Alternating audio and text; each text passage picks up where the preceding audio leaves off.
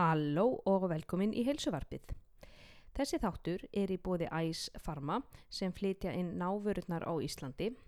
Þeir eru einnig með háverslun eh, sem er verslun með návörurnar upp á Linkhálsi 13. Þar fást einmitt eh, líka Speedo sundfötin, eh, Houdini útivistafatnaður frá Svíþjóð og ég nota mikið. Ég er búin að flýspeisu væða alla fjölskylduna frá Houdini og síðan eru þeir með Converse skóna sem eru nú gömlu góðu Chucks skórnir sem að flesti þekkja nú úr amerískum bíómyndum þess að með stjörnunni á hliðinni.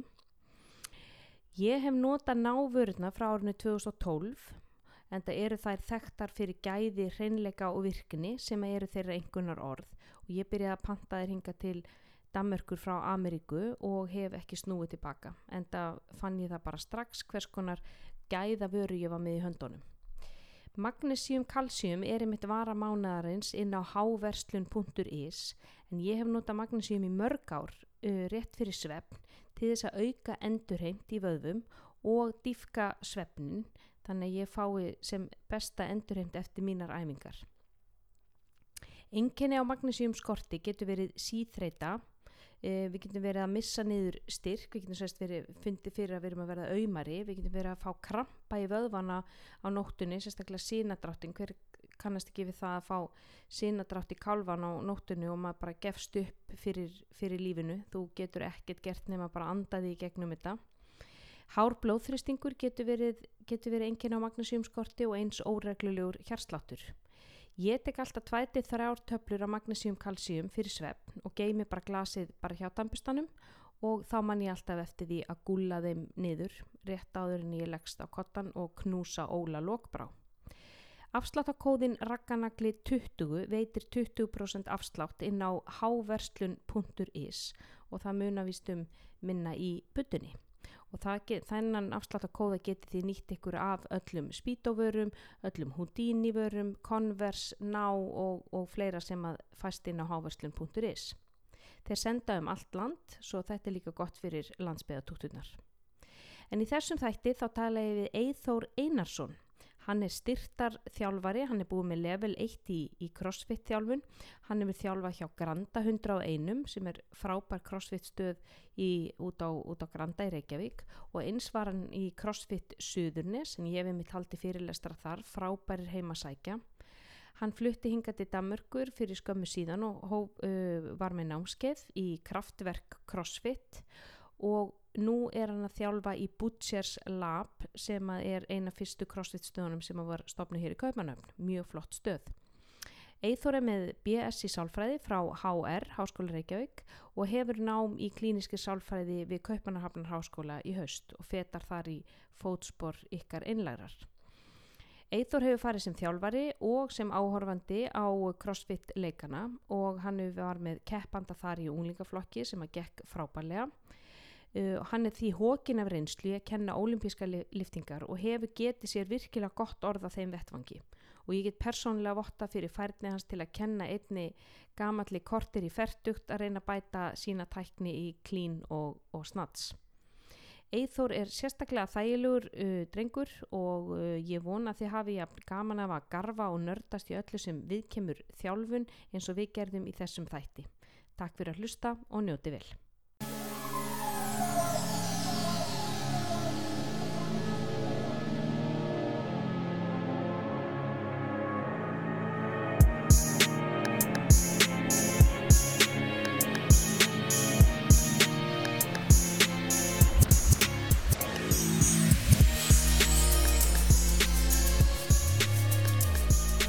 Halló og velkomin í heilsuvarfið. Hér er ég komið frábæran gest til mér, mikinn kraftakall.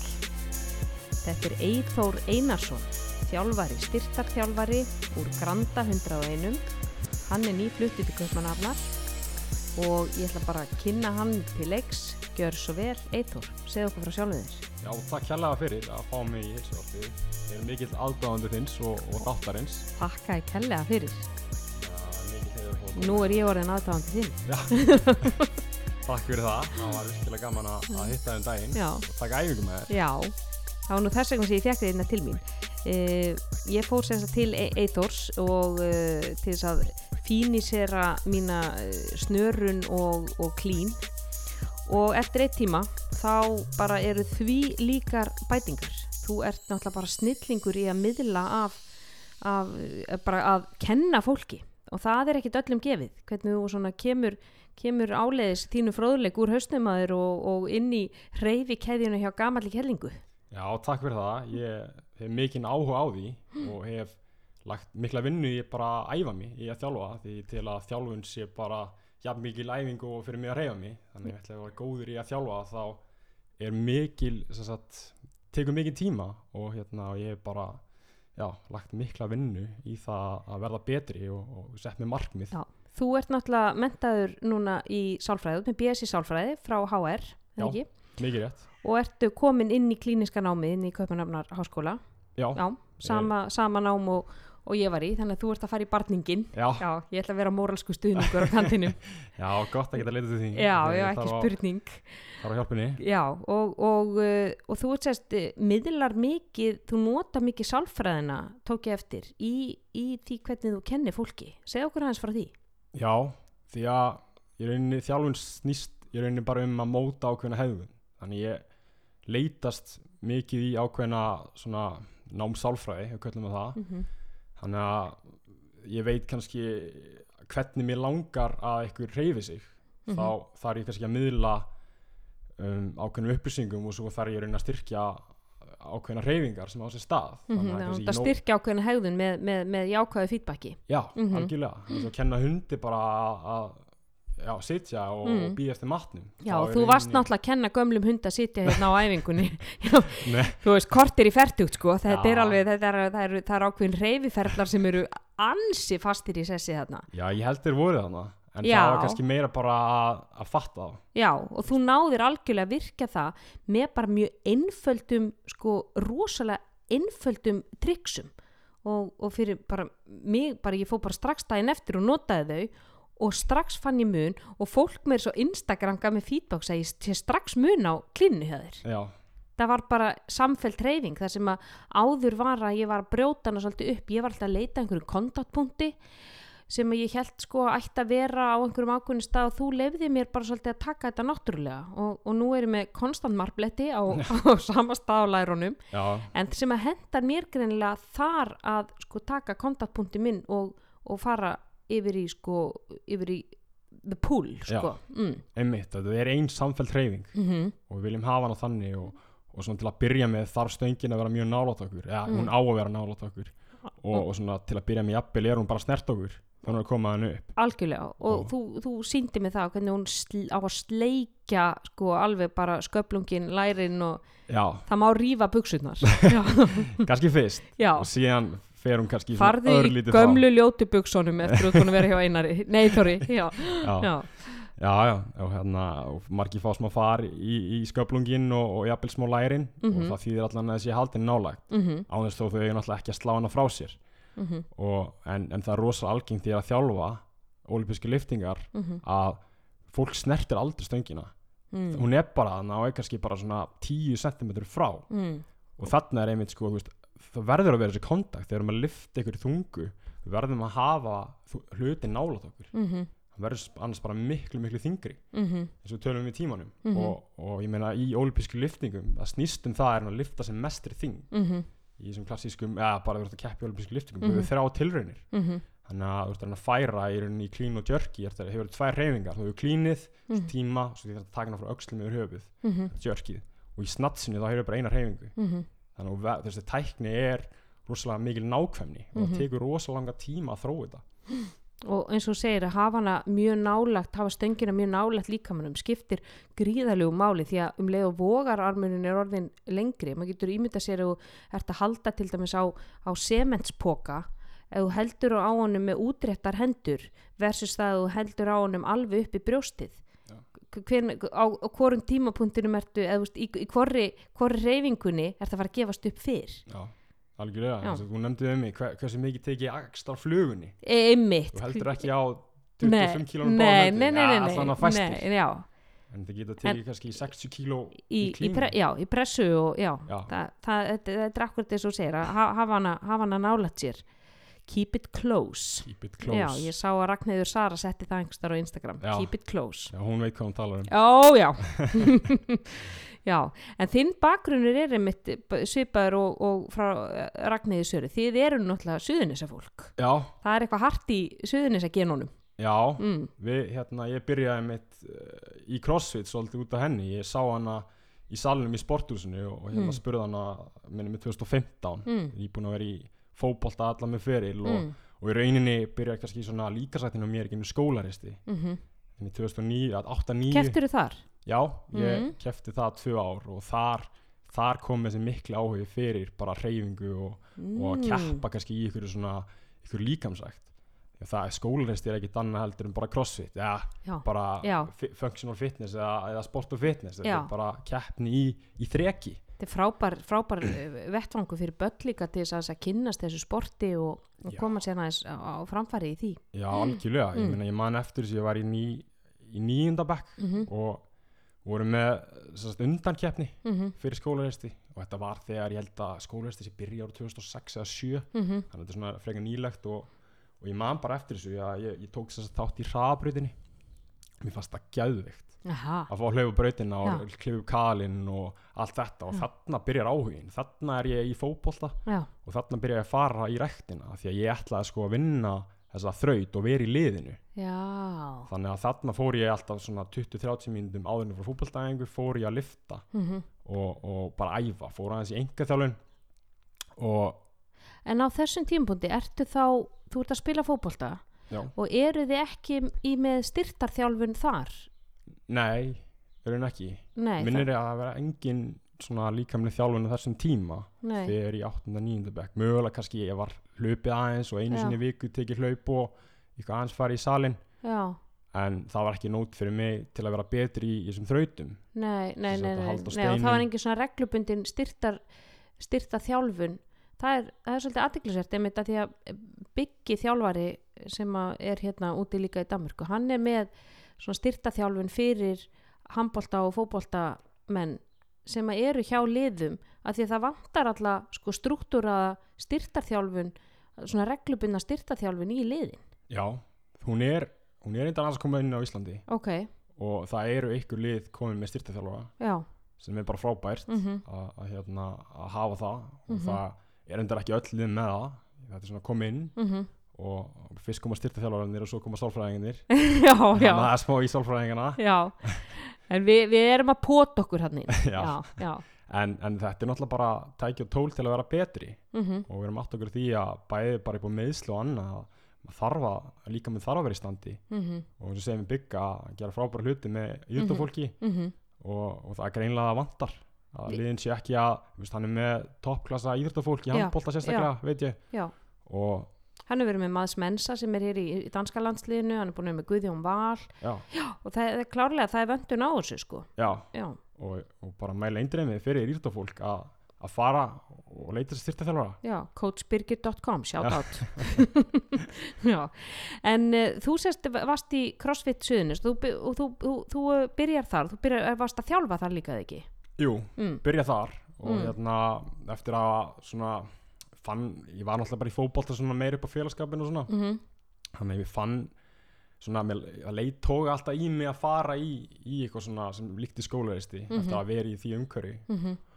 og þá einmitt var ég að æfa í sporthúsinu og sá Ragnhildi Söru, eða Söru og, og hún var að æfa hann að Mm. gera eitthvað burpees og klifra Mm, kala og mm. ég kom hann inn og spurði hvort ég mætti ekki fá að pröfa Mm. og sjálfsög og áður en ég vissi á var ég búinn að byrja það sko. Ég fór endar í hérna grunnamski hjá honum Evert. Já. Evert snillíkur já, já, það var hann hérna fór grunnamski þar og já bjói kepplæk þannig að ég byrjaði þar í rauninni að æfa Mm svona eitthvað að viti. -hmm. og fljótlega fór ég að þjálfa. Mm af því að já fór að þjálfa þess að úlingaþjálfun -hmm.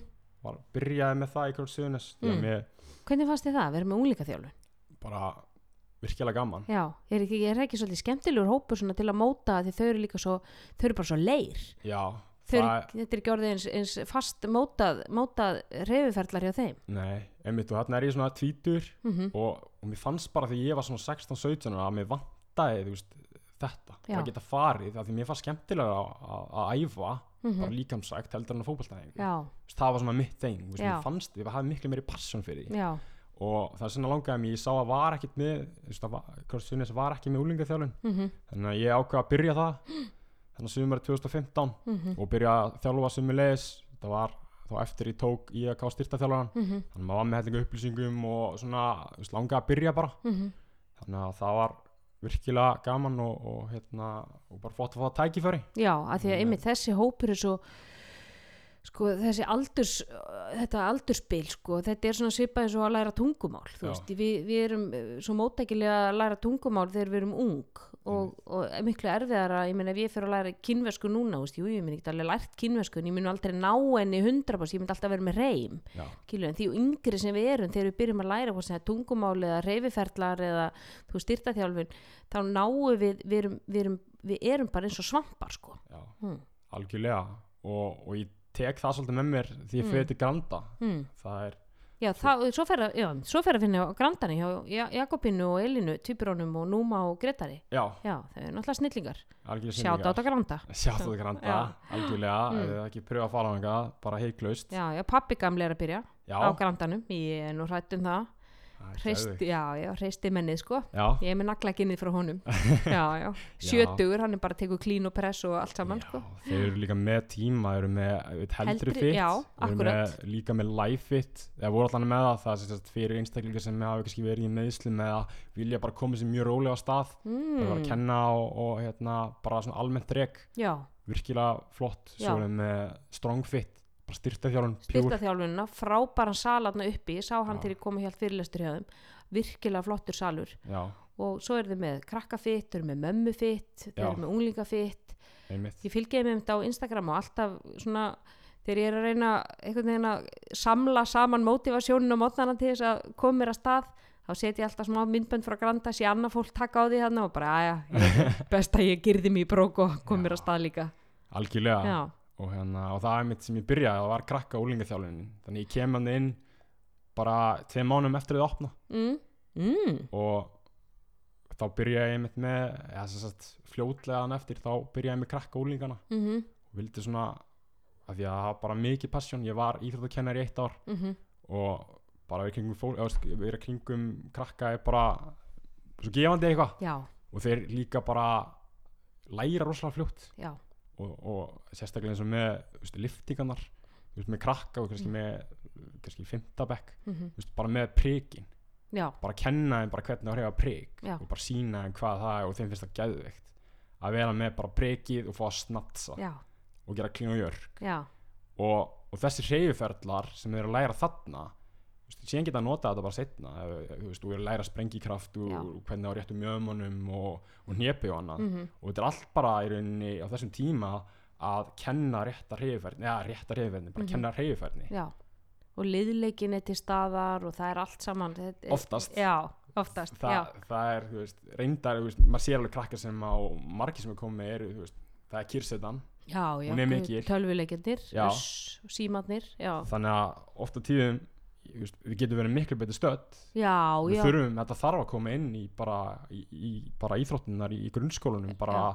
alls konar æfingar sem að sem að krakkar ætti að vera að gera.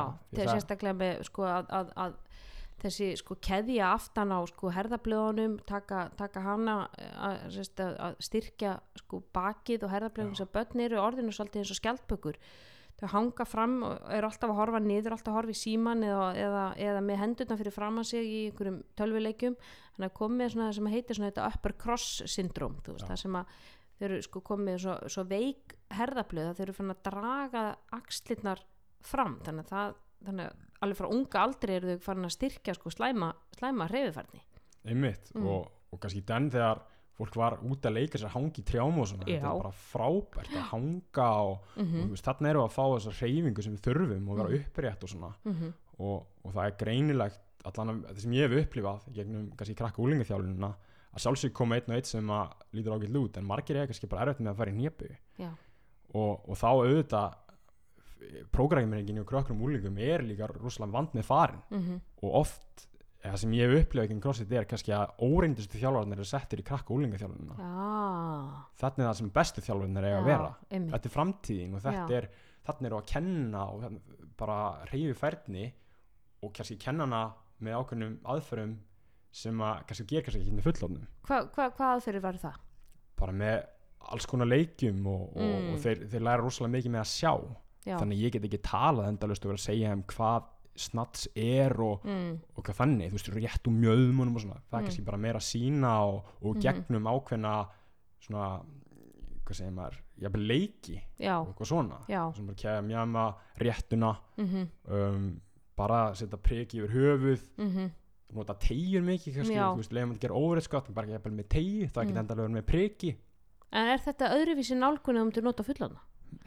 nei, alls ekki, ég hef Mm. lært ótrúlega mikið á að þjálfa ólinga og krakka Mm. sem ég nota með fullorðnum. Ok, hvernig yfirfærir yfir á fullorna það sem að já, fullorðnir eru ofta ekkert léttar heldur en krakkandir ég hef oft skotið að þeim. Já, að hérna að krakkahópurinn er mun betri en þið, mun meiri aðtigli Já, það, það er alveg ákveðin skellur sko. það er ákveðið Já, skellur. Það fer svona fólki alveg svona sér aðeins við. Já, byrju, já þegar maður er upp á töfli að útskýra æfinguna mm og liða að klæða sig í skóna og, og spjalla. Já, spjalla bara og já. Þá, tekur maður oft ykkur að og, kenna hann á og, þetta. og taka smá á instastory og svona Já. já, mhm, mæta fimm minnur seint já aðeins. Aðeins svona, það þessar, þessar klassísku íslensku 500 og seint. Já, Mhm. það líðst ekki hér í Danmörku gott fólk. Nei, Mm. nei. Það, maður er bara Mm. stressar að mæta sko. Maður er að mæta tímindur fyrr, sko, því að það nú er- ert þú að þjálfa í, í Butcherslab já, já, hér sem er uh, fyrir þá sem ekki vita þá Butcherslab er bara einn fyrsta crossfit stöðin sem var opnuð í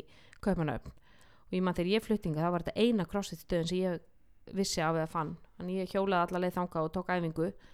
Vorum að berja í dekk og þar, þá var hún á gamla staðnum sko, það var ennþá bara lykt af gömlu kjöti sko, þannig inni og Já. þetta er mjög hrátt og, og nú er þið fluttir og er mjög flott stöð. Þangað kom ég mitt inn í síðustu viku. Og þú ert farin að þjálfa þar núna. Já, og ert með hóptíma uh, í þeirri stöð. Já ég þjálfa bara almennt crossfit. almennt crossfit. Já, og þar nýtur eitthvað af því- þessari, þessum aðferðum sem, að, sem að þú notar á, á börn og unglinga yfir á, yfir á fullofna já, já, Já. og ég hef alltaf þjálfa fullóna alveg sem Mhm. ég byrjaði sko. Mm -hmm, en, og, og það er ótrúlega gaman og fa- bara að kynnast fullt af fólki mhm, og, og hafa það hinga út í flutti henni í, í byrjun ás mhm. Og, og byrja einmitt að þjálfa hjá hérna Anitu sem var hjá þér Já, Anita Watkins Já. Já, kraftverk, kraftverk, sjátt á kraftverk alveg Já. geggi stuðu geggjuð stöð, hún er einmitt hérna út að amaðir Já. já, og, og Fannar bróðurinnar sem er Mhm. með henni í þessu Fannar Aðalsteins, já, þau eru bæði öðlingar algjörlega Mhm. og því kom inga kannski þekkti maður ekki marga að maður svona hafi vita að væri crossfit hérna Mhm. og, og fór bara svona þessa stúana og, og byrja að æja með félagminu sem var í kraftverk mm og fór bara kynntist þeim fljótlega og, -hmm. og Þar varstu með námskeið? Já, í ólimpískum liftingum, mér langaði svo að koma að það. Já, Já, og hérna var þar með í rauninni einsmána námskeið. Já. það var tvisar í viku. Já. Og það er ekkit svakalega margir í þessa stöð. Mm það er, er held ég um cirka 200-300 mann ekki nákvæmlega Mhm. töluna. -hmm. og, og það var sem sagt ég var anninda svona ákvæðum bara. Ég, ég er búin að vera mikið að, að spá í liftingunum Mhm. og sérstaklega undanfarið, mér finnst Mhm. það bara ótrúlega skemmtilegt sport Mhm. og, og var með rosalega góða mentor og er með góða mentor hann Inga Gunnar Já, Ingi Gunnar er hver? Ingi Gunnar Ólafsson sem er landsinsþjálfarinn í olympisku liftingum Ok, þannig að þú er- er aldeilis fengið þetta beint með mjóðumjölkinni bara Já. já. Hann hérna, því ég var að byrja í Klósi Suðunis þá, þá var hann þar með olympisku liftingatíma Mm, og ég svona fylgdi svo svolítið mikið með honum hann kendi mér mm, bara mjög mikið í olympiskum og síðan fór ég svona að taka tíma þegar hann var ekki mm við. -hmm, og, og við erum bara virkilega góða vinir og ég leita til hans mikið með, mm með bara tækni og annað. -hmm, og við hefum farið út saman. Og við, Út hvert? við fórum til Lettlands núna síðasta haust. Mm, þar sem við fórum í æfingabúðum með fjórum úlingum mm, sem að var í Ólimpíuþorpi hana í, í, Lettlandi mm. Ventspils held ég að segja þetta rétt Ok, Ventspils Já, Já. með hérna okkar efnilegustu ungu lifturum Vá, og vorum þarna í frábæru hverfi þar sem við vorum að æfa með rússarnir voru hana, lettarnir danir mm. mm. svíjar held ég bara öllur Evrópu, norður Evrópu mm og þarna fórum við að æfa með Edward sem er landsinsþjálfari letta ok og við lærði ótrúlega mikið þeirri ferð Ok. auðvitað hafði maður tekið ákveðna kursa mm. í styrtaþjálfarunum um ólípiski liftingar og, og lært mikið yngunari en þessari ferð var ég allan daginn með yngunari og tvær æfingar á dag þar sem Mm. voru með liftara Mm. þess að virkilega flotta úlinga Mm. sem eru bæði í crossfit og ólípiskum Mm og vorum við raunin bara að æfa eins og atvinnumenn í liftingum í liftingum getur þú sagt okkur sótsvörtum almúanum og hve, hvað þarf maður að hafa í huga mm. í, við byrjum bara á clean and jerk Já. hvaða atriði hvað getur þú gefið, hvað tips getur þú gefið okkur alveg eins og varst að segja mér hérna á, á æfingunni að halda stönginni nálægt Já. horfa fram þannig að þú gefur mér svona nokkra pointir að núna sko á, áður en að fara í tækninatriði mm. Þá myndi ég segja að þetta er ótrúlega mikil tækni Mm. sem þýðir að þetta tekur ótrúlega langan tíma ó já að, og, og við þurfum þegar þú ert að læra eitthvað þá Mhm. þarf að vera í rólegu umhverfi og, og þú þarft að leifa líkamannum að aðlegast Mm þú ferð kannski ekkert og gerir kannski bara endilega hreyfinguna jújú, jú, það eru margir sem eru með liðleikan og annað, ég man Mhm. eftir því ég held að stöng og fyrir ofan höfuð komin úr fótbolta -hmm. Ég man, ég, begði mjöðmenna niður í óverðskotið, ég bara misti stöngina framfyrir mig. Já, þú hafðir ekki raunni styrkin til þess að sko vera í þessari, þessari end range of motion? Nei, sko í þessari stöðu?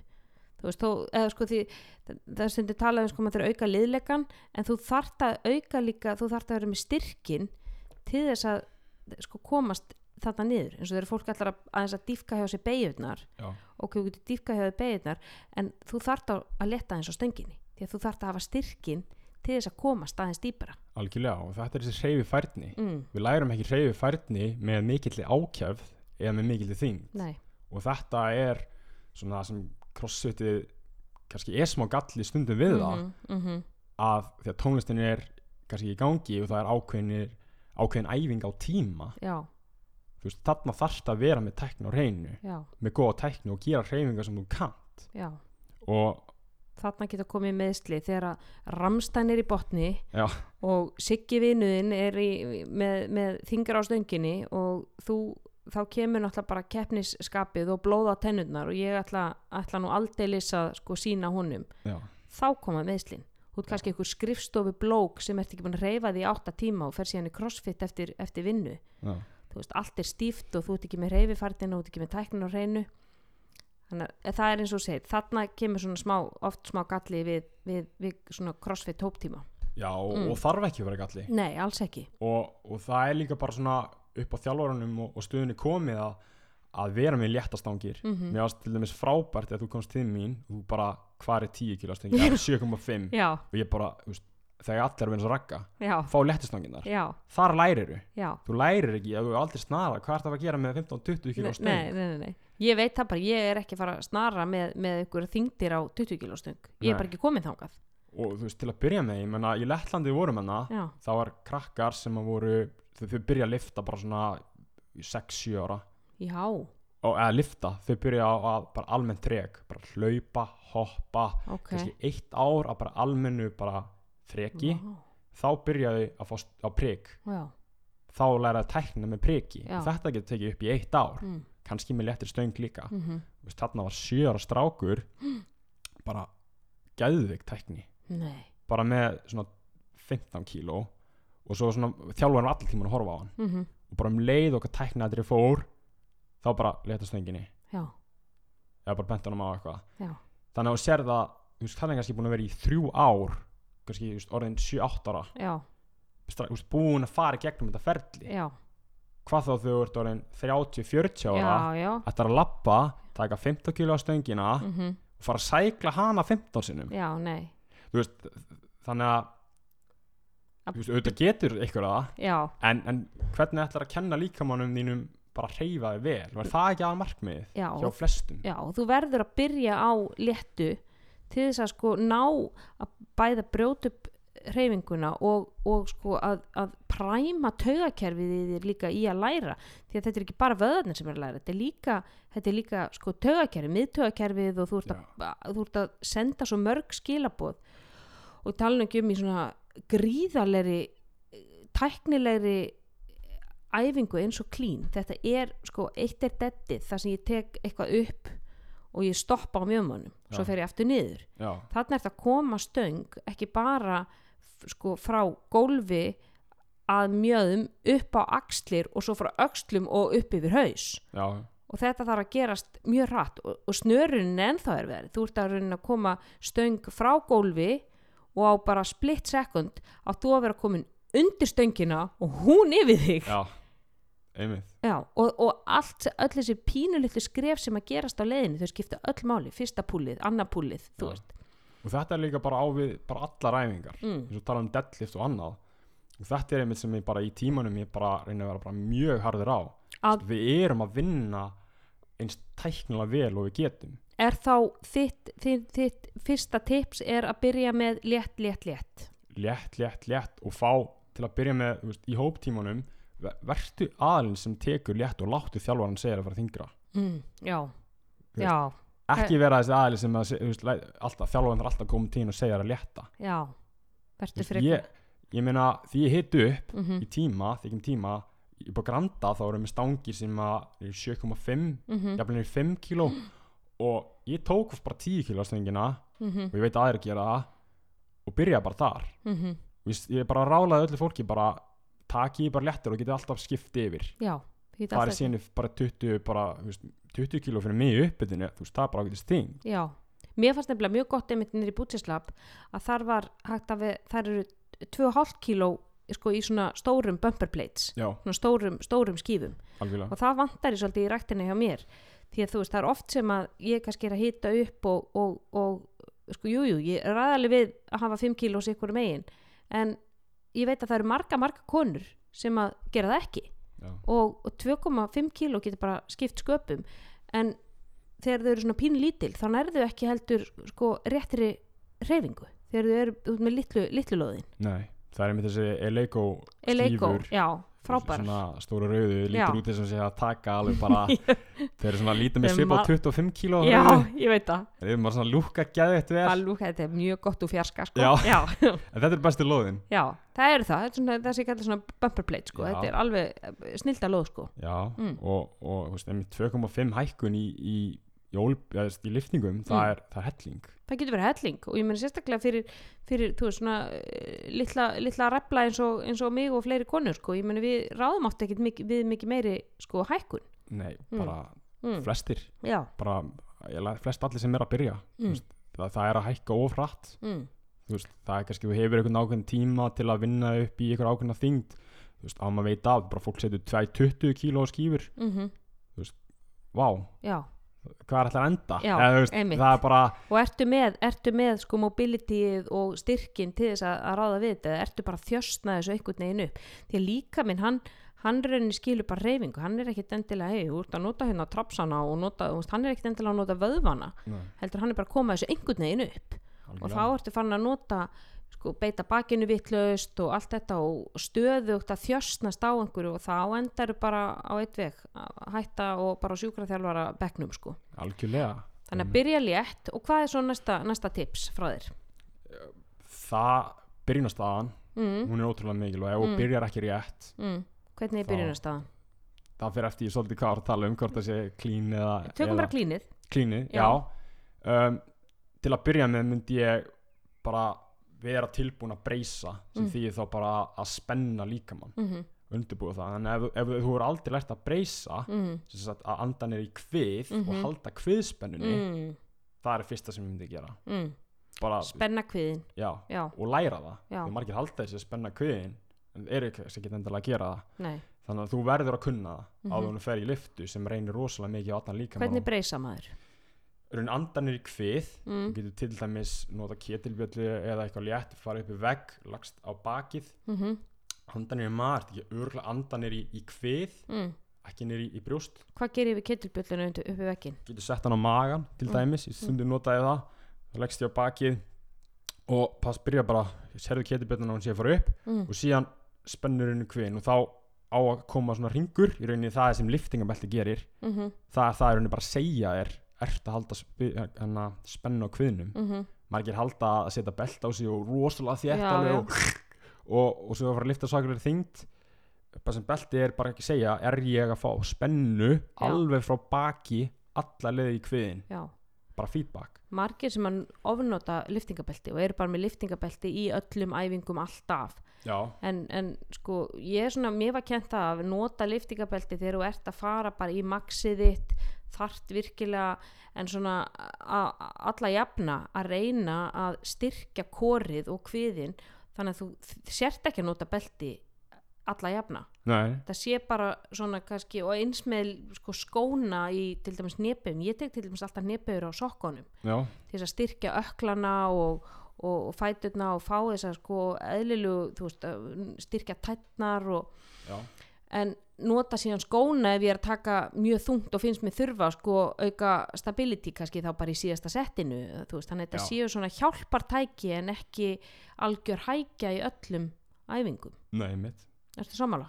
já, á mörguleiti Já, og, og sérstaklega um, það kemur kannski að hnjöpegu mm, að, að sérstaklega verðum að taka þungt mm að þá myndi ég alltaf segja að vera í búnaði sem að læti þig um, gera eins góða hnepi og hægt er mm af því að hnepi reynir rosalega mikið á kviðinn og, Mm. og, og, þú veist, getur reynir rosalega mikið á bakið -hmm. og þú kemur upp úr hana þannig að þá viltu vera í góðri stöðu Mm en ég myndi alltaf segja um, að vera í liftingaskóm -hmm. þá en auðvitað þegar þú ert að taka hnepi kannski með ketibjöllu og kannski létt á stönginni þá myndi ég frábært að pröfa að vera á, á sokkunum og annað mm -hmm. þannig að Mér finnst það hafa hjálpað mér mjög mikið með sko styrkin í öklunum og liðleika Já. og svona komast Já. dýpra. Að ég, ég er alltaf á sokkunum eða sko jafnvel á toslunum bara Já. til þess að, að líka grípa sko, grípa uh, gólfið veist, með tánum að virka tætnar og, ja, að, en, en ef ég þarf sko auka stuðning og, og, sérst, og er ekki alveg örug með þessa þyngd að þá hendi ég, hendi ég mér í skóna. Já, en já, og þú varst að segja með, með, með að breysa já, og prófa þessa, þessa að vera með ketilbjöllu setja hana á kviðin, vera uppi vegg. Já kannski er þetta að, útskýra. já, ég langar bara að sína það núna. Já, já, en það er rauninni bara aðskun aðferð, þú getur farið YouTube, bara hvernig á að breysa. Já, how to brace. Já, how to Mhm, brace, mhm, bara í rauninni hvernig að halda þessa kviðspenninni mhm, því að þetta er ótrúlega mikið þetta í hnepu í deadliftinu, Mhm. sérstaklega líka ólípisku liftingunum. Og kannski þegar maður er búinn að bara átti sig á því að, að aðalinn getur bara haldið kviðspennu. Mhm, og þá náttúrulega er líka reyðförnin getur aðalinn tekið stöngina frá jörðinni mhm, þarf hún jafnvel að byrja með henni í mjöðminni mm, þannig að það er rosalega einstaklingsbundið mhm, kannski, þó það, getur, það er það sem er kannski oft flókið í hóptímum mhm, að við gott að kenna rosalega misjöfnu fólki mhm, sem er þetta ótrúlega gaman líka því að við erum með á, ákveðin svona við erum líka ótrúlega misjöfn í, í byggingu, mhm. þannig að eitthvað eitt fyrir þig er kannski eitt sama fyrir mig. Nei, einmitt. Og það er það sem ég kunna meta einmitt við það sem að þú, þú varst að kenna mér. Það er bara að minn kontaktpunktur hann, hann er ekkit sko ég fór einhvers staðar á YouTube og einhvers sagði kontaktpunktur er í mjöðminni. Þannig að ef þú ert að púla frá hérna, lærum þá ertu ofniðarlega þannig ég fór alltaf að leita einhverju kontaktpunkt sem var bara greinlegt að henda mér. Með, það sem þú kendi mér bara þinn líka með bara, hann er bara svona gerðið þú er bara með þetta stuttar hendur og, og, og, og það var það sem ég kunna meta sko. Þessum, þessi einstaklingsmunur sem að þú sást bara hjá mér.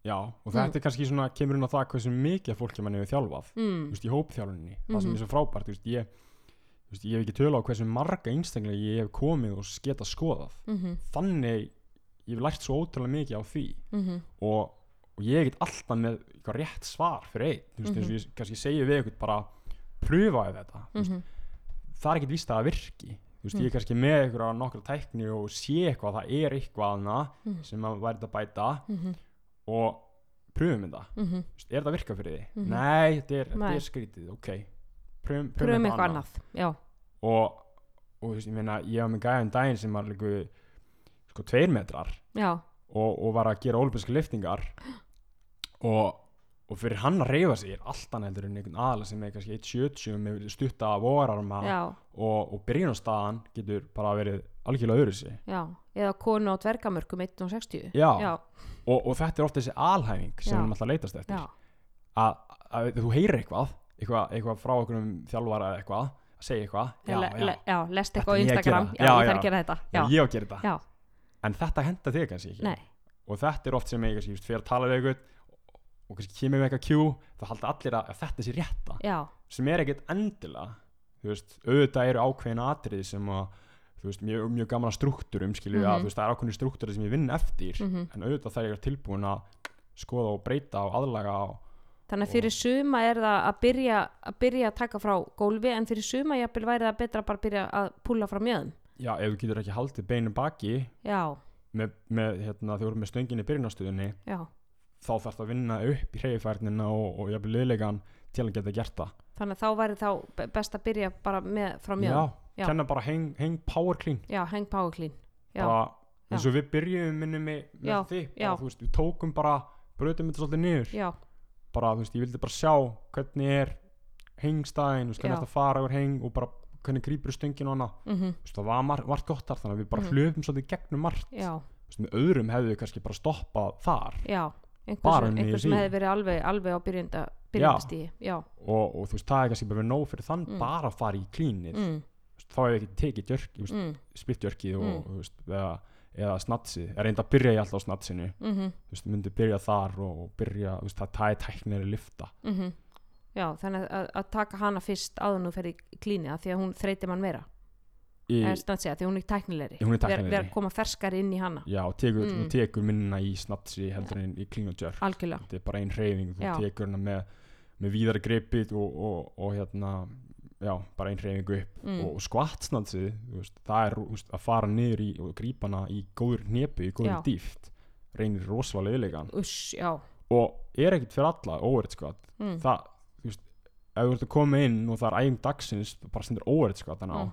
þú veist, þú þarft að vera búin að vera í í, í hérna að æfa frekar lengi og, Mm. og þú veist, e e ef þú nefnum og sért bara kemur inn með bara tvílingan grunn, kannski Já, bara á já, fimmleikum eða, eða veist, Overhead skottið er nefnilega gríðarlega erfið æfing og það kannski fyrir fólk að, að byrja sko frekar á að taka overhead skott með, með dumbbell eða veist, með, með handlóðum, byrja þar eða ketilbjöllu já, og ná sko upp sko styrknum og sko að því að styrkunin liggur svo rosalega í öxlinni að sko halda henni halda öxl og, og, og, og, og halda beinum handlegg já, upp í loft og að vera með stöng getur bara verið of erfitt til að byrja með. Að, að byrja, þú veist, jafnvel bara á að gera bara framstig, bara lunges overhead lunges og fara þaðan síðan í, í, í ég myndi til dæmis bara breyta líki bara í, bara jafnvel front skott, þú veist, Já. geta þið haldið bara já, þú veist, það var æfingu daginn sem var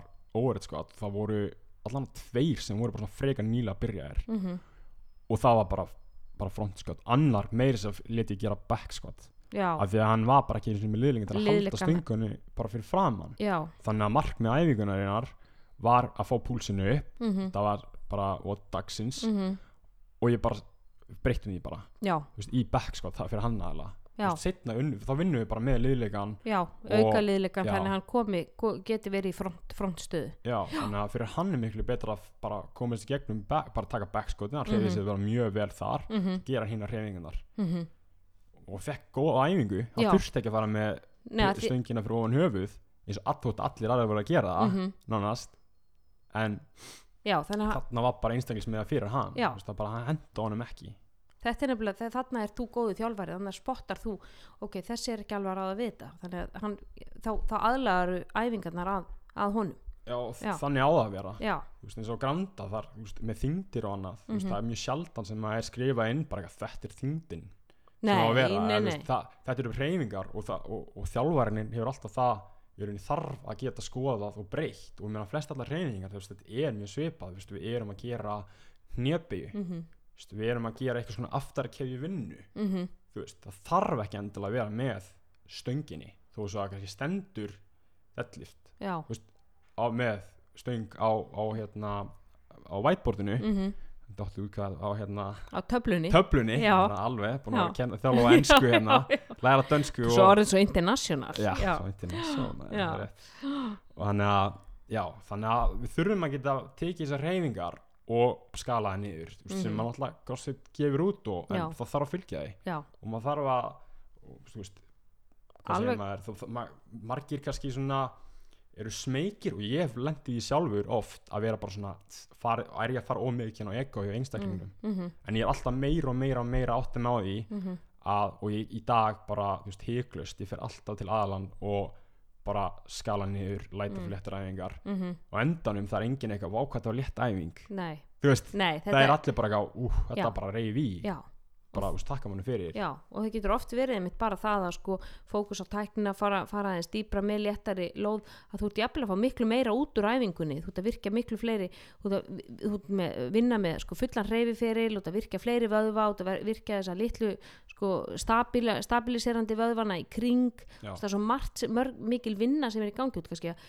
ná að sko virka korið þitt betur af því að þú ert með sko léttari það fókus á hvað er ég virkilega að vinna með og þá oft endar með því að þú veist, æfingin er að skila þér miklu meira heldur en að þú væri að sko, láta egoi ráða för og hlaða á stöngina já, bara til þess að, að lúka vel sko. já, já, þannig að tjekkaðu, setið egoið inn í búningsklefa já, já. það er eitt sem að þið þurfu ekki að vera með á æfingu Nei, nei, og maður er oft bara, veist, verið sjálfur þannig, sko. já, bara, þú veist, já, þegar maður var að byrja og, og maður hefur bara þetta að læra það, veist, bara pínuðu hardvis, Já, já, þegar maður var já. að byrja að lyfta bara kannski allt og þungt með að við hvað líka minn höndlaði og líka minn bara gefur sig og bara fer að finna fyrir því. Algjörlega.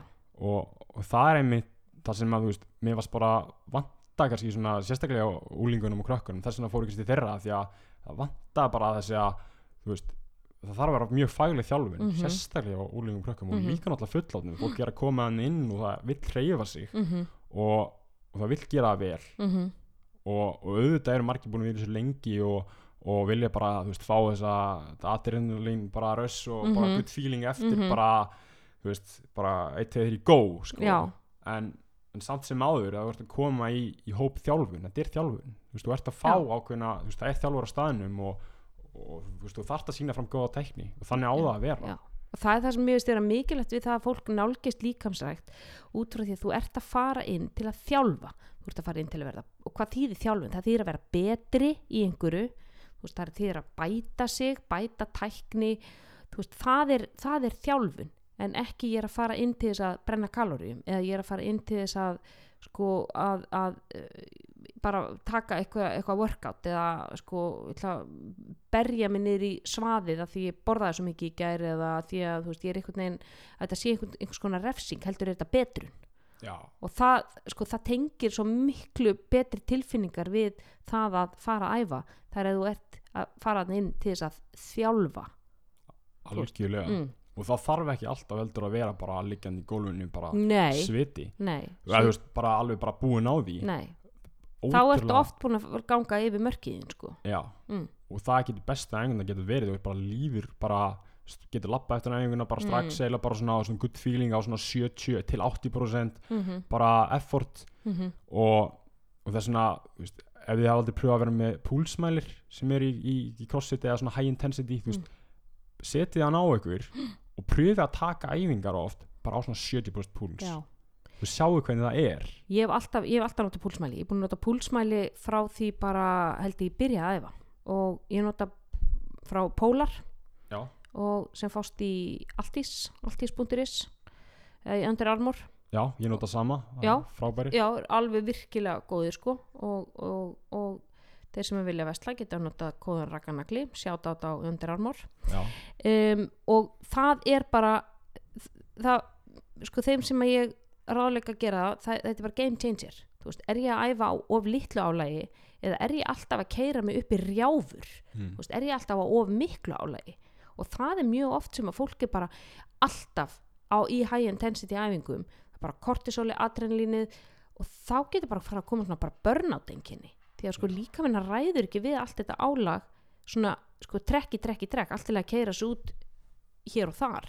En stundu fer, fer þetta yfir grensunar hjá okkur já, og það er eitthvað svona þú veist, ef við kemur á svona sálfræðina að það er alltaf svona eða var, Mm. svona gamli svona crossfit kultúrin, það var alltaf einhvern veginn verðluna fyrir hraðasta tíman mm -hmm. þú veist, þessi er bara alltaf að leggja sig allan Mhm. fram og Mm þú veist, jú, við, við eigum að geta haft það í okkur -hmm. en við þurfum líka að vera með hann skynsama aðila Mm -hmm. og bara í dag ætla ég að fara og hlaupa bara á góðum púls. Mhm. bara kannski ekki gera það í klukkutíma. Mhm, ég ger þetta alltaf á miðvíkutum og sunnudum reyni ég alltaf að taka bara, bara mjög bara púlsinn 150 já, bara good feeling, bara svona hálfgjörst þú veist, Já. ég lít samt á þetta sem bara, þetta er bara veist, ég bara að láta hjarta pumpa. Já bara svona svolítið tempoæfing bara á, á bara svona mellow púls líður bara vel. Ég er að passa það að hann sé ekki alltaf rúgu upp því að ég veit bara að meiri sér keppnisfólk já, það er bara í vandamálum að því að hjarta er að, veist, kann bara ákveðna takt. Þegar það fer upp í ákveðna ákjæf mhm, það bara það veit ekki nákvæmlega kannski hvernig að halda þessi 70-80% það fer alltaf upp í 85% af því að það bara kann að vera á þessu bara beast mode eða, já, veist, bara á þessu bara full on mode. Og sálrænt þá verður það líka þannig að þegar þú ert alltaf þar þegar þú ert alltaf að fara í beastmót og þú ert alltaf í sko 80, 90, 95% púls þá sko þetta og þú ert að þú veist, gönna brautina þú kann, kann, kannast nú við það, verandi keflingingur að Já. keira reykjanesbrautina að þú Já. myndir alltaf keira hana á 140 já, svo allt í einu eftir að keira hana á 70 Já. þá væri þú bara eins og afi gamla traktornum skilju, því að finnist þú ekki komast neitt áfram nei, þannig að þegar maður er vanuð í að vera alltaf upp í rjári með púlsinn þá verður það rosalega skrítið og þið finnst þú ekki verið að taka á því þegar þú átt að fara síðan niður í þannig að það, það er ákveðin æfing bara mentally, bara fyrir bara sálrænt sálvært og líkamlegt e, algjörlega að bara præma kerfið í því þannig að við, við getum líka unnið á þessu álega og þú ert Já. líka, það er líka þjálfun það er líka æfing og þetta er að svona, upp, svona nýlega síðustu ár eru svona vísindi meira og meira komin inn í, í, í crossfit umhverfi þá, Mm. þá tala um keppnislutan á crossfit mm -hmm. að þarna er þjálfur að koma og sjá að, að einstaklingar sem er að keppa að bara lífælisfræðin hjá þeim bara er ekki eins góð hún getur verið. Ah, þannig að þarna eru farin að nota bara monitora bara ákveðna líf bara svona lífmarkers, Já. svona biomarkers. Biomarkers. Og, og eins og, eins og hvaða biomarkers?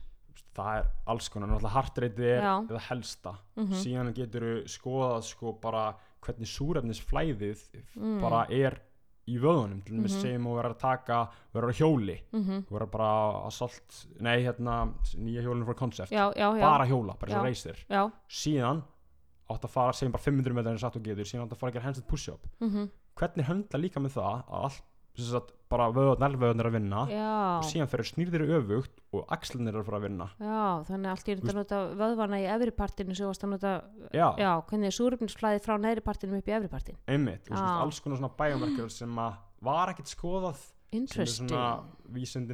svona svolítið meir inn í. Þetta sem Já. gerir þetta, þetta þennan íþrótta hluta eða sport hluta svolítið áhugaverðan og það er svona eins og það munur í því að brautina fyrir síðan með almenningur. Já, Já. ok, það er kannski ekki alltaf best að vera bara go, go, go, go. Nei, 90% effort, nei, keppnislið að gera eða, já þetta er svona Það er ekki gott að vera alltaf bara með sko rassasvitan og, og vera sko með, með ælun upp í kók því það, það var veluna fyrir það sá sem að guppaði á æfingu, hann var bara mesta hetjan. Já, já, en sko ef þú guppar á æfingu þá ertu farin yfir mörkið það er líka með henni að segja þér að það er eitthvað, það eitthvað að þú, þú, þú, þú, þú, fóst, þú fóst yfir grensur sko. Já og ég meina kannski, veist, einu sinni á, veist, fimm ára fresti þegar þú ert bara að taka ykkur áskorun veist, ég er ekki að mæla gegn því og, og ég meina, auðvitað reyna á líkamann og það er frábær hlu- hluti sem fólk er að gera með þessa áskorun mm, en fyrir meðal almenning sem er kannski komið inn að æfa þarf það á því að halda? Nei, og það tengir líka neikvæða tilfinningar. Við, þú veist, þeir, þeir eru sko þú fer að vera hrættur við æfingarnar þetta er óþægilegt, þetta er vond þú veist, ég, ég guppa, ég er alltaf löðrandi sveittur, þú veist, ég get alltaf andað. Langa mig þú veist, ég get gert þetta í einhvern ákveðin tíma en þú veist, ge- sé ég fyrir mér að þetta sé æfingaform sem ég get haldið út lífið verði þarna sjötugur? Mm -hmm. þú veist, þannig að við þurfum líka að horfa svolítið á það hversu lengi mun ég haldast í svona hreyfingu? Algjörlega. Mm, og þetta kemur líka oft inn á að fólk heldur að þetta sé mentalityð já, það kemur inn, kannski er æfingin bara bara 35 mínútur. Mhm. kannski er þetta bara hlaupa 500 metrar, kemur inn og það er kannski bara ketilbetur sveiflur, mhm, síðan fer það í einhverja, skvattvinnu mhm. síðan einhverja hopp mhm, síðan aftur hlaup, mhm, 35 mínútur. Mhm. rosalega oft sem það bara byrjar búf, Búf, bara þýli það Þú veist, þarna þarfst að vera búin að setja ákveðin bara inn í hausin á fólki við erum að fara að gera þetta í 35 mínútur ekki 5 mínútur. Nei Þú þú þarft að læra að peysa þig. Já, já, veist, frekar átt að enda þannig. Já, endaði á sprettinum já, já, og þannig að þú þú átt að líða bara mjög vel í Já. 35 mínútur erst að fara að æfa og þú átt eiginlega aldrei þarna að vera bara eitthvað uh, ælandi nema Nei. kannski að vera að keppi í þessu. Já, já, en þarna að þú ert að taka bara æfingu bara fyrir daginn og kannski tókst tvær æfingar daginn áður þú veist, bara halda góðu tempói, þú ert að fá ótrúlega mikið út úr því. Kannski ertu, þú veist, þú átt bara að lappa eftir en þú átt ekki eiginlega að vera liggjandi í gólfinu eftir nei. þessar 35-40 mínútur eða þú ert bara á venjulegur æfingu. Þú veist, Mm. þá er ég að tala um almenning. Mm. og þetta er líka einmitt munurinn á því að á sko sportinu crossfit versus það að vera að æfa crossfit bara sem svona hinn hin, hin bara sótsvartur pöpull sko. Því að um leið þú komin í keppni og, og íþróttina crossfit þá getur þú farið að sérst íta er miklu lengra út fyrir þægindar að mann þú ert sko í rauninni að, að fara getur leftir að fara yfir mörkiðin og fólk er að fylgjast með þessu fólki á Instagram og á Facebook og á veist uh, vefnum og, og heldur að það er að æfa eins. En þannig erum við að tala um fólk sem að æfi þrjá fjóra tíma á dag, fólk sem er ekki vinnu þetta eru atvinnumenn og það er svolítið hættulegt núna með öllu þessu aðgengi í samfélagsmiðlum og það sem við getum séð hvað aðrir er að gera að fólk fara að pikka þetta upp og haldið mitt að ég er að trýta mína æfingu mánunda miðugt að föstag, minn hóptíma á sama hátt og ég var að horfa á einhvern æfa á Instagram þar sem hann fór bara sko all in og, og skildi ekkit eftir nema bara, þú veist svitan á gólfinu sko. Já, og náttúrulega er að þetta er vinnan þeirra Einmitt, þetta er vinnan þeirra. þau eru að keppa svona að vera eins bara góðu þau geta mm -hmm. og kannski svona líka komin á það að þau eru að keppa í þessu þá þarf struktúrin að vera þannig Mhm. þú veist það er ekki þetta tímamæla allt til dæmis góðar æfingar er ekki allar sem eru á heimsleikunum þú veist við erum með fullt af æfingum Mhm. sem eru ótrúlega góðar til dæmis sem eru bara snúningun upp á líkamann bara þú veist Mhm. törki skett upp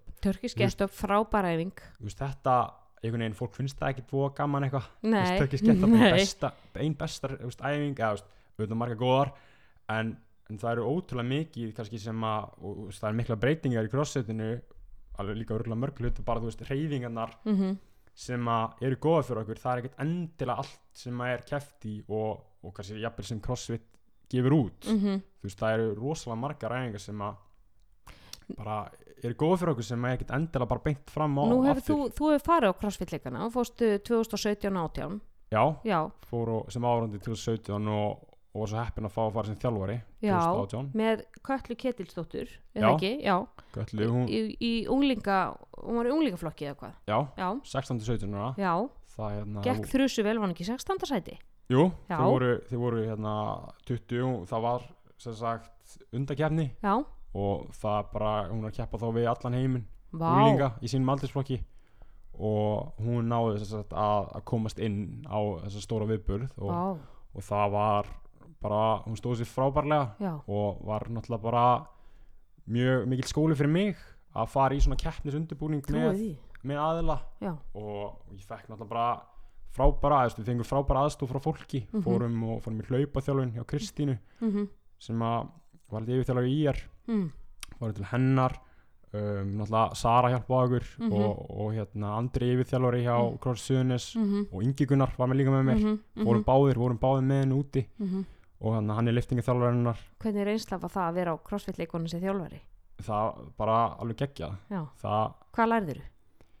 náttúrulega un, undirbúningur var kannski svona mesti lærdómurinn en, en kannski svona það sem ég lærði á leikunum hvað bara hvað allt sem er ekki keft í hvað Mhm. það eigðir mikill orku, hvað er mikið streyta Mm. þannig að maður áttast ekki á því að eins, eins til dæmis bara að hita upp. Já, þú veist, þú ert að hita kannski upp fyrir fjóra viðburði já, og þú, ert, þú ert í umhverfi með fullt af fólki og þú þarft að næra þig og þú Mhm. að vökva þig. Og þetta, þessi hluti, til dæmis bara næring og vökvi mm þú veist, ef ég var að keppa á þessu þú veist, ég geti aldrei borðað þeir að keppa. Nei, og þú veist, ég ætti bara í stórum vandamálum það eru margir sem gera þú veist, það bara að dæla í þau já þú veist, bara dæla, dæla niður í kolvetnu og vökva að því að eru, það er svo rosalega streyta þau missa bara matalistin eða hvað, eða hvað já, já, Já. og þú veist, bara þegar maður er að keppa þú ert alltaf að fá, þú veist, Mhm. púlsinu upp kannski Mhm. taka, segjum bara áttu morgunin að keppa í bara einhverju obstacle course klukkan Mhm. tíu mm þú veist, þú hittar upp þá kannski að byrja um átta, komin á svæðið mhm,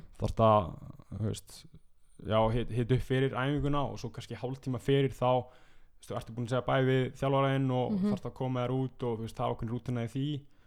Og svo kemur inn og þá kannski bara er hálftíma þannig sé pása, mhm, þá ertu að að skipulega næsta mm, og þú veist, strax ég komin aftur í já, þú veist, bara game mode. Það er rosalega lítil andleg og líkamleg kvíld já, og þessi andlega sem ég kannski svona hafi svona vildi mest fara í þú veist Mm. ég var hann að læri var útskjast með sálfræði og það sem Mm. ég implindi mikið á íþjóðsálfræðina mhm, og við svona implementerum ákveðna þætti þarinn eins og bara til dæmis að undirbú, undirbúningurinn við vorum búin að undirbúa okkur fyrir aðstæðir sem að geti komið upp svona visualization eða já, mhm, Visualization. sjá, já, hvernig gerur það?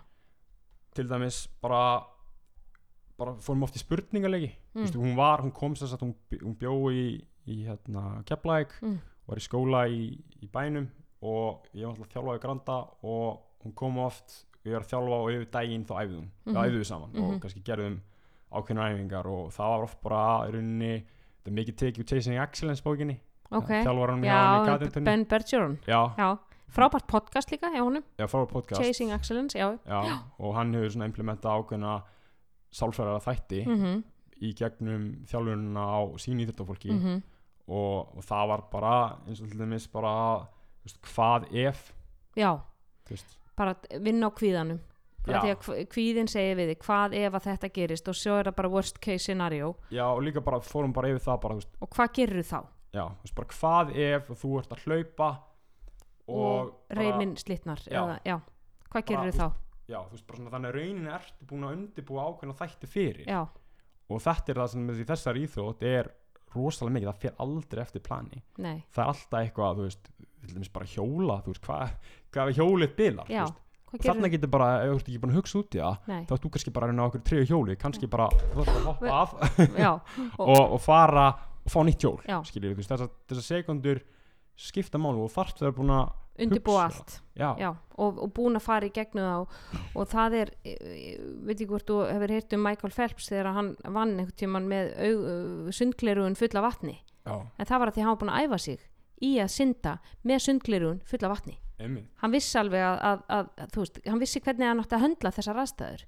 Og þetta er bara sama með að sko láta sér líða pínu óþægilega þú veist, farðu í kalda sturtu og þú veist, ef þú gerir þetta undir svona kontrolleruðum kringustæðum þá þegar þú síðan lendir í því að þú veist, prófaði að fasta þú veist, prófaði að vera songur, prófaði að vera þyrstur prófaði að vera þa þannig að þú vitir, ok, ég þarf ekki annað en að lappin í eldhús og fá mér eitthvað að borða ef ég verð hungur morða. En ef ég síðan lendi í því að þú veist, ég lendi í bílslýsi og er fastur upp á heiði eitthvað og ég verð svangur í tvo dag ég veit hvernig það er, ég veit hvernig svo tilfinning er og ég veit líka hvernig hvað ég þarf að gera ef að hjóli mitt bilar í keppni eða reyminn slitnar eða ég er búin að undirbúa myndið það. Og það er, það vinnum við alltaf á, á kvíðanum. Ég er með, ég er með aðgerðar áallinu í vasanum. Algjörlega, þetta Mm. er svona bara prepare for the best and expect the worst. Nákvæmlega. Það er svona, þú veist, ef þú ætlar alltaf að taka þetta, þetta secret á þetta, bara já, bara alltaf að sjá fyrir það besta, já, veist, þá ertu kannski ekki tilbúin fyrir þegar hlutinni fara, því að hlutinni fara aldrei eins og nei, þú nei, ætlaðir að nei, fari. nei. það prumpar engin glimmeri sko. Nei, nei, lífið er bara ekki þannig sko. Þannig að, já, 100% ekki. Nei, og þú veist, vera, þú veist, maður þarf að vera tilbúin fyrir allt og þú veist, það sem er svona, þú veist fólk finnst það gaman eins og með crossfitið, þú veist, þetta er þú veist, bara vera undirbúið fyrir allt. Já, þú veist, það hefur komið upp alls konar hluti sem allir eru bara uh, hvernig virkar þetta, já, þú veist bara já, bara þú þarft að vera búin að vera úti að hoppa í trjánum, skilur, þú veist, það er ekki bara hægt að vera inn í gymmi bara í, þínu þægindrama nei, þú verður er svona er svona functional fitness eins og er farin að kalla þetta svolítið þú veist, þetta er eitthvað sem smitast yfir í lífið líka. Þú getur notað, getur notað þessar æfingar og þennan styrk til þess að þú veist, bera yngöpabókana og vera með krakkan undir hendinni og skilji þannig að þú, þú ráði líka við lífið þegar þú kemur út og þegar við förum inn og okkur líður óþægilega í crossfit tíma það er engum sem að líður vel í einhverjum erfiðum tíma Nei. en það að líða óþægilega er bara svo mikilvægt já, þú þarft, þú veist, bara þessi komast út úr þægindaramanninu út þægindrama, Já. bara híklust maður þarf alltaf að minna sig á það mm -hmm. þú veist, man, ma, ma, við erum svo eðlislegt að vera bara í okkur þægindrama já, og, og þú veist, bara eins og í gær ég, ég ákvað að fara í sjósund það er bara minn, ó, það er bara mér langar ótrúlega að fara í svona triathlon. Já. Það er bara svona ekki draumur að fara ekkert mann og, og synda hjóla og hlaupa. Mm og, og það er alltaf hrætt á þetta sjósund. Mm það er bara síðan bara að ég var lítill. Þannig að þú stegst inn í óttan þinn í gær? Já, guðmi góður, ég fór eitthvað byrjanda svona, skáum með eitthvað byrjanda tíma. Mm -hmm. og það var henni á fiskitorfi eða eitthvað svona bara í sjónum samt Mhm. að gera það af. Mm ég sá þetta bara, is, þetta er ekki neitt ekkert Mm. mál, Já, svo bara kemur þjálfarinn bara, herru já svo hérna er mjög mikið að margildum hérna. Óguð og, og by the way, allir í flotgala með Já. sundhætti ég hérna bara, Þú bara spýtó? Já já, bara Já, og allir horfðu á mig, já, bara letu við og hlóðu bara. Þeir búin að allir í flotgalinu Já. og svo bara hoppaði út í tvær ferðir. Já. Það var bara allt út í svona lill margildum Nei, og ég bara, ég fór upp úr en ok. ég fór allan sæðferðir Ef þú færð, fórst tvær ferðir og næst, þú veist, þú lærðir að reynslunni og, og, með, og þú fórst sko all in þarna, já ég ætlaði bara að fara og svo, þú tókst þetta skrefni lengra. Já já, en svo hlæðir alveg margir að mig núna sem eru syndi sjónum heima sko. Já, A, en Einmitt. þetta er bara, veist, þetta var bara eitthvað svona maður þarf að stíga inn í óttan já Algjörlega. við þurfum alltaf, alltaf að challenge okkur. Já, á mismunandi hætti og, og líka gera það kannski úti að, þú veist, eins og með korsetti það svona, virðist vera að allir fara bara inn í inn í gymmið, inn í boxið og mm, þú veist, lappa fjöll, fara á nákvæmlega, veist, fara að synda og þú Já. veist, synda í, í, í ykkur vatni og gera, gera meira hluti sem mann kannski færa okkur líka aðeins nær, þú veist, upprunanum. Því að, ég meina, jújú, jú, við getum verið voða hetjur að æfa í einhverju loftkjaldri líkasættastöð en, en, en, þú veist við þurfum líka að koma okkur aðeins út í náttúruna og í tengsl við þar, þaðan sem við komum. Bara já, 100% já, sko. já, taka smá býstmót þar.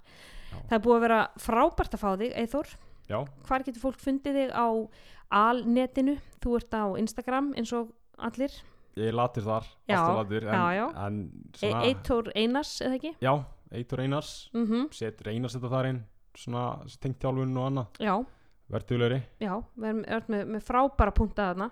Já, mm. svo getur það ef vil koma, er að kíkja í köpen og getur tekið æfingu í Butchers ekki spurning, ég hvet alla sem eru í köpinn að fara til Eithors í, í þjálfun því að hann er algjörlega frábær þjálfari og miðlar sinni vitnesku og þekkingu á svo skiljanlegu og, og bara ég get ekki líst í sko, hvað þessi eini tími gerði fyrir mig. Já, bara kjallaði já, fyrir það já, meina, það er, þú ert komið áskrifanda hérna já, já, þú losnar ekkert um mig sko. Nei. Nei. það er gott, Já, já. ég er líka hringi ég er alveg með stressið við að fara með mig í, í sálfræðinni Já, ekkert mál, það er, mína dyr eru alltaf opnað fyrir það. En við ykkur hlustundur segir bara takk fyrir að hlusta á Hugsuvartið og þannig næst verið þið bless.